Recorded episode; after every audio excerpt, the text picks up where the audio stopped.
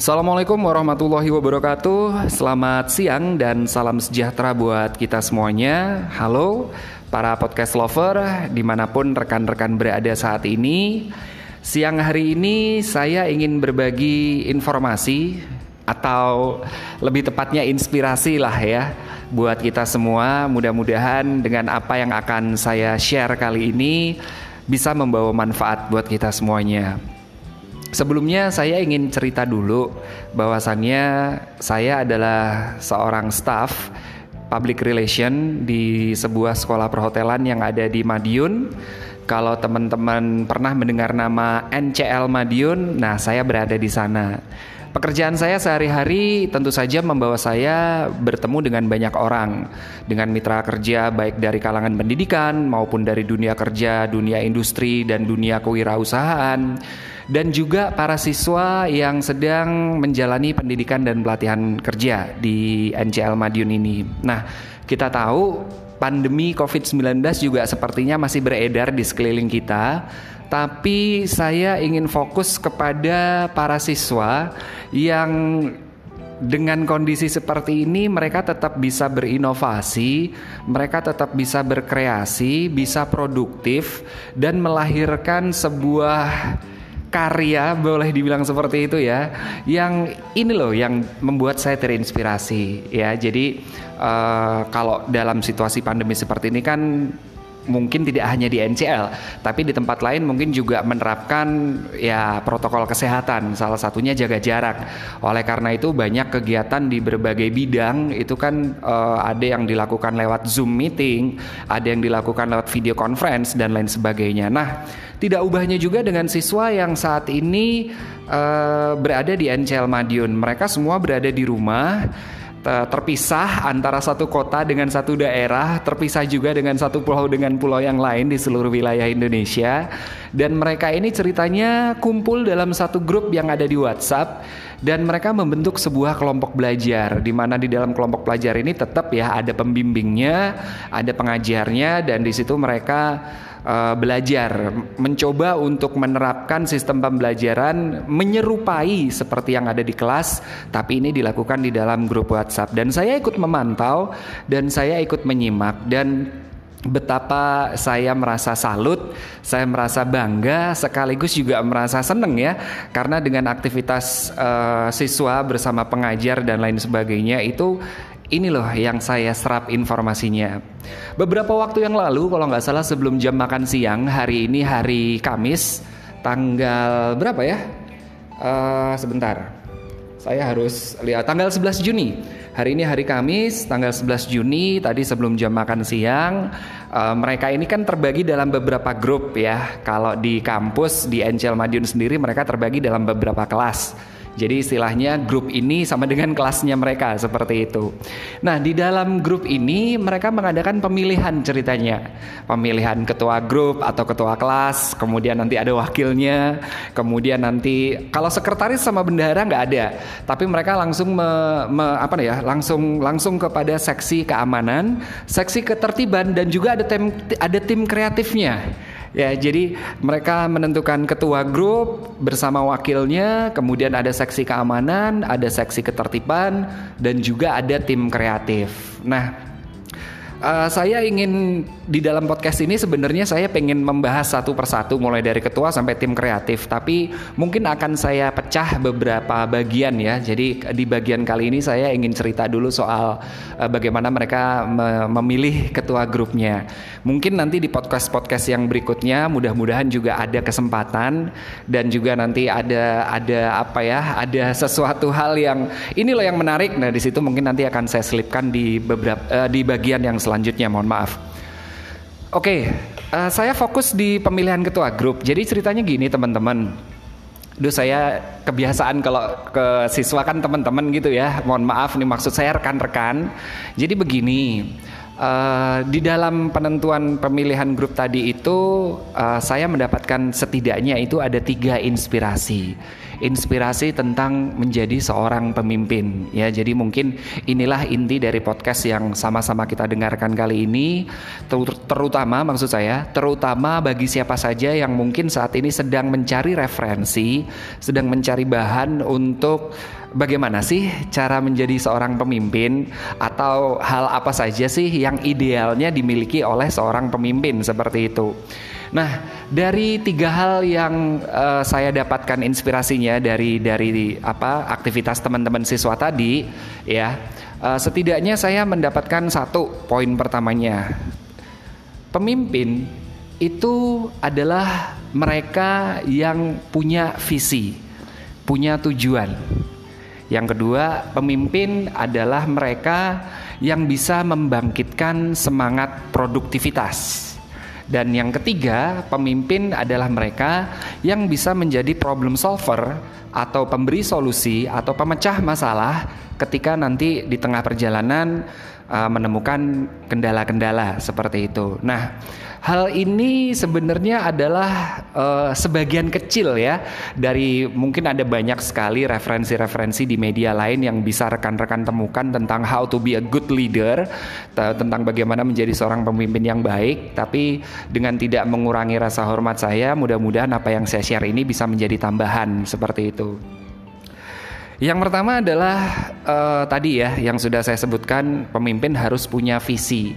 Karena pemimpin tanpa visi, pemimpin tanpa tujuan itu menurut teman-teman tadi, bukan menurut saya ya, menurut teman-teman tadi, ini bukan orang yang punya jiwa pemimpin. Nah, di sini sebenarnya ada satu quote yang sangat menarik. Quote-nya itu begini: Semua orang bisa menjadi pemimpin, tapi tidak semua orang bisa jadi pimpinan. Keren nggak tuh? Ya, jadi semua orang memang bisa jadi pemimpin, tapi nggak semua orang itu bisa jadi pimpinan. Kenapa? Karena seorang pimpinan setidaknya harus memiliki tiga karakteristik yang yang tadi saya sebutkan. Yang pertama dia harus punya visi, yang kedua dia harus bisa membangkitkan produktivitas, dan yang ketiga dia juga harus bisa menjadi seorang problem solver atau pemecah masalah seperti itu. Nah, di dalam diskusi itu ya mereka uh, menentukan siapa nih di antara mereka ya yang punya visi grup belajar ini mau dibawa ke mana?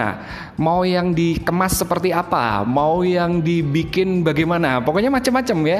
Chatnya macam-macam, diskusinya juga macam-macam ya dengan dengan dengan apa ya, dengan pola pikir di mereka, di, di maksud saya di usia mereka. Yang notabene-nya rata-rata mereka adalah fresh graduate dari SMA, SMK, ya di kisaran usia sekitar 17 mungkin ya, 18 begitu, maksimal mungkin 19 20 lah. Dan ternyata di sini uh, saya melihat ternyata masih ada generasi muda Indonesia yang dia itu uh, memiliki attitude yang bagus gitu. Dalam arti attitude yang bagus kan kalau misalnya kita lihat secara mayoritas, secara kebanyakan kan sekarang ini kita prihatin ya dengan keadaan generasi muda Indonesia dengan berbagai macam pertukaran budaya yang masuk, kemudian tren gaya hidup, mode dan lain sebagainya. Nah, saya lanjutkan kembali bahwasannya di sini pemimpin harus memiliki seorang visi itu memang benar banget ya rekan-rekan ya. Saya sendiri di dalam lingkup saya sebagai seorang public relation bergaul dengan sesama public relation, dengan marketing, dengan HRD ataupun dengan orang-orang senior di atas saya. Memang saya perhatikan mereka itu adalah orang-orang yang punya visi, mereka adalah orang-orang yang punya cita-cita, orang-orang yang punya ambisi dan orang-orang ini seperti tidak kehabisan akal, tidak kehabisan tenaga, tidak kehabisan ide untuk mencapai visinya, untuk mencapai tujuannya. Nah, di situlah akhirnya uh, saya terinspirasi bersama teman-teman saya juga yang yang notabene-nya kita masih belajar seperti itu. Oh, ternyata seorang pemimpin itu harus punya visi kita ini mau bergerak ke mana sih? Gitu. Kalau misalnya kita jadi pemimpin misalnya saya dikasih kewenangan untuk memimpin berarti ke depan ketika saya dikasih kewenangan untuk memimpin berarti saya harus tahu apa yang saya pimpin ini mau saya bawa ke mana. Seperti itu.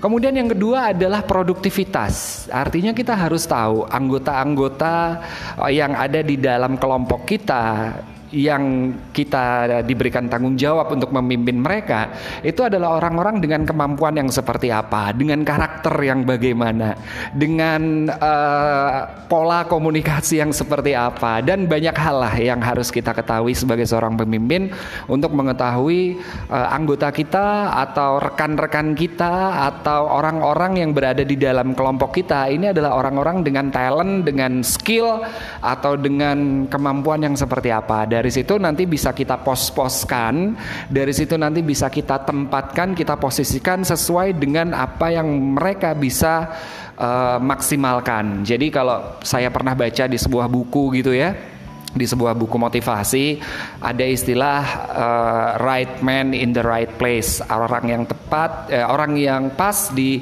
tempat yang tepat. Ilustrasinya sederhana sih rekan-rekan semua. Mungkin kalau rekan-rekan ini suka dengan tontonan atau pertandingan sepak bola kan di situ ada beberapa posisi ya. Ada kiper ada pemain belakang ada pemain tengah ada penyerang. Kalau misalnya kita adalah seorang yang memiliki naluri penyerang rasanya kurang pas gitu loh kalau misalnya kita diposisikan sebagai sebagai pemain belakang. Begitu juga sebaliknya, kalau misalnya kita memiliki naluri sebagai orang bertahan, rasanya juga nggak pas kalau misalnya kita ditaruh di posisi sebagai penyerang. Ilustrasinya seperti itu. Kemudian uh, yang ketiga adalah uh, seorang pemimpin, pemimpin maksud saya adalah mereka yang bisa memberikan solusi ketika mendapatkan kendala atau masalah yang menjadi dinamika halang rintang uh, kelompok ya atau grup atau kelas dalam hal ini buat teman-teman yang saya bicarakan tadi untuk mencapai visinya, untuk mencapai tujuannya. Masalah atau kendala bisa saja muncul dari luar. Oke, kalau misalnya muncul dari luar, mungkin bisa lebih mudah untuk menyelesaikannya. Tapi kalau itu muncul dari dalam, dari mungkin dari anggotanya atau mungkin dari dari segala sesuatu yang sifatnya lebih internal. Mungkin seorang pemimpin atau seorang leader di sini harus memiliki kepekaan ya, harus memiliki uh, rasa kepedulian yang levelnya lebih expert lah kalau boleh saya bilang seperti itu ketimbang yang lain. Artinya seorang pemimpin di sini juga menurut saya untuk bisa menjadi orang yang dikatakan memiliki karakteristik sebagai problem solver, artinya orang ini harus punya sudut pandang yang luas. Dia tidak bisa melihat satu dari uh, satu satu hal dari satu sudut sisi pandang aja, tapi dia juga harus melihat dari sudut pandang yang lain. Bisa jadi dari sebelah barat, dari sebelah timur atau dari sebelah utara atau dari sebelah selatan begitu. Nah, ini adalah hal yang menurut saya sangat menginspirasi sekali, hal yang sangat uh, bermanfaat sekali, terutama buat saya dan saya juga mengajak rekan-rekan untuk kembali mengingat, bukan mengingat sih ya, untuk kembali apa ya istilahnya kembali uh, menelaah begitu, terutama buat rekan-rekan yang sekali lagi saat ini sedang mencari referensi tentang how to be a good leader. Yang menjadi kesimpulan saya rekan-rekan sekalian adalah yang pertama quote yang tadi ya seorang semua orang itu memang bisa menjadi pemimpin tapi tidak semua bisa menjadi pimpinan. Karena untuk menjadi seorang pimpinan mereka harus memiliki karakteristik-karakteristik tertentu yang berikutnya kesimpulan saya adalah uh, saya mengambil kutipan dari film Spider-Man ya. Kebetulan saya juga sangat menyukai tontonan film seperti itu. Great power comes with great responsibility. Kekuatan yang besar datang bersamaan dengan tanggung jawab yang besar juga. Artinya, ketika kita diberikan amanat sebagai pimpinan berarti di situ ada tanggung jawab juga yang dititipkan bersama amanat tersebut. Sehingga Idealnya seorang pemimpin memang memiliki wewenang, tapi bukan berarti dia bisa sewenang-wenang. Saya kira kita semua sependapat dengan hal itu dan apa ya? Uh, ya Mungkin itu saja. Saya khawatir kalau podcast ini nanti terlalu banyak memakan durasi, rekan-rekan semua menjadi mudah bosan, mudah jenuh. Jadi sedikit aja, mungkin juga eh, kesimpulan-kesimpulan uh, yang bisa diambil aja. Yang harapan saya ini bisa banyak memberikan manfaat buat kita semuanya. Kurang lebihnya saya mohon maaf apabila dalam penyampaian atau dalam kata-kata dan kalimat yang saya gunakan kurang pas. Uh, saya juga mohon saran dan kritiknya dari teman-teman bisa kontak saya di Instagram, di Facebook atau di WhatsApp. Mudah-mudahan dengan kita menjalin koneksi itu akan menciptakan sebuah relasi dan kerjasama yang bisa berkesinambungan untuk saling apa ya, untuk bisa saling menguntungkan seperti itu. Terima kasih rekan-rekan semuanya. Saya pamit. Assalamualaikum warahmatullahi wabarakatuh.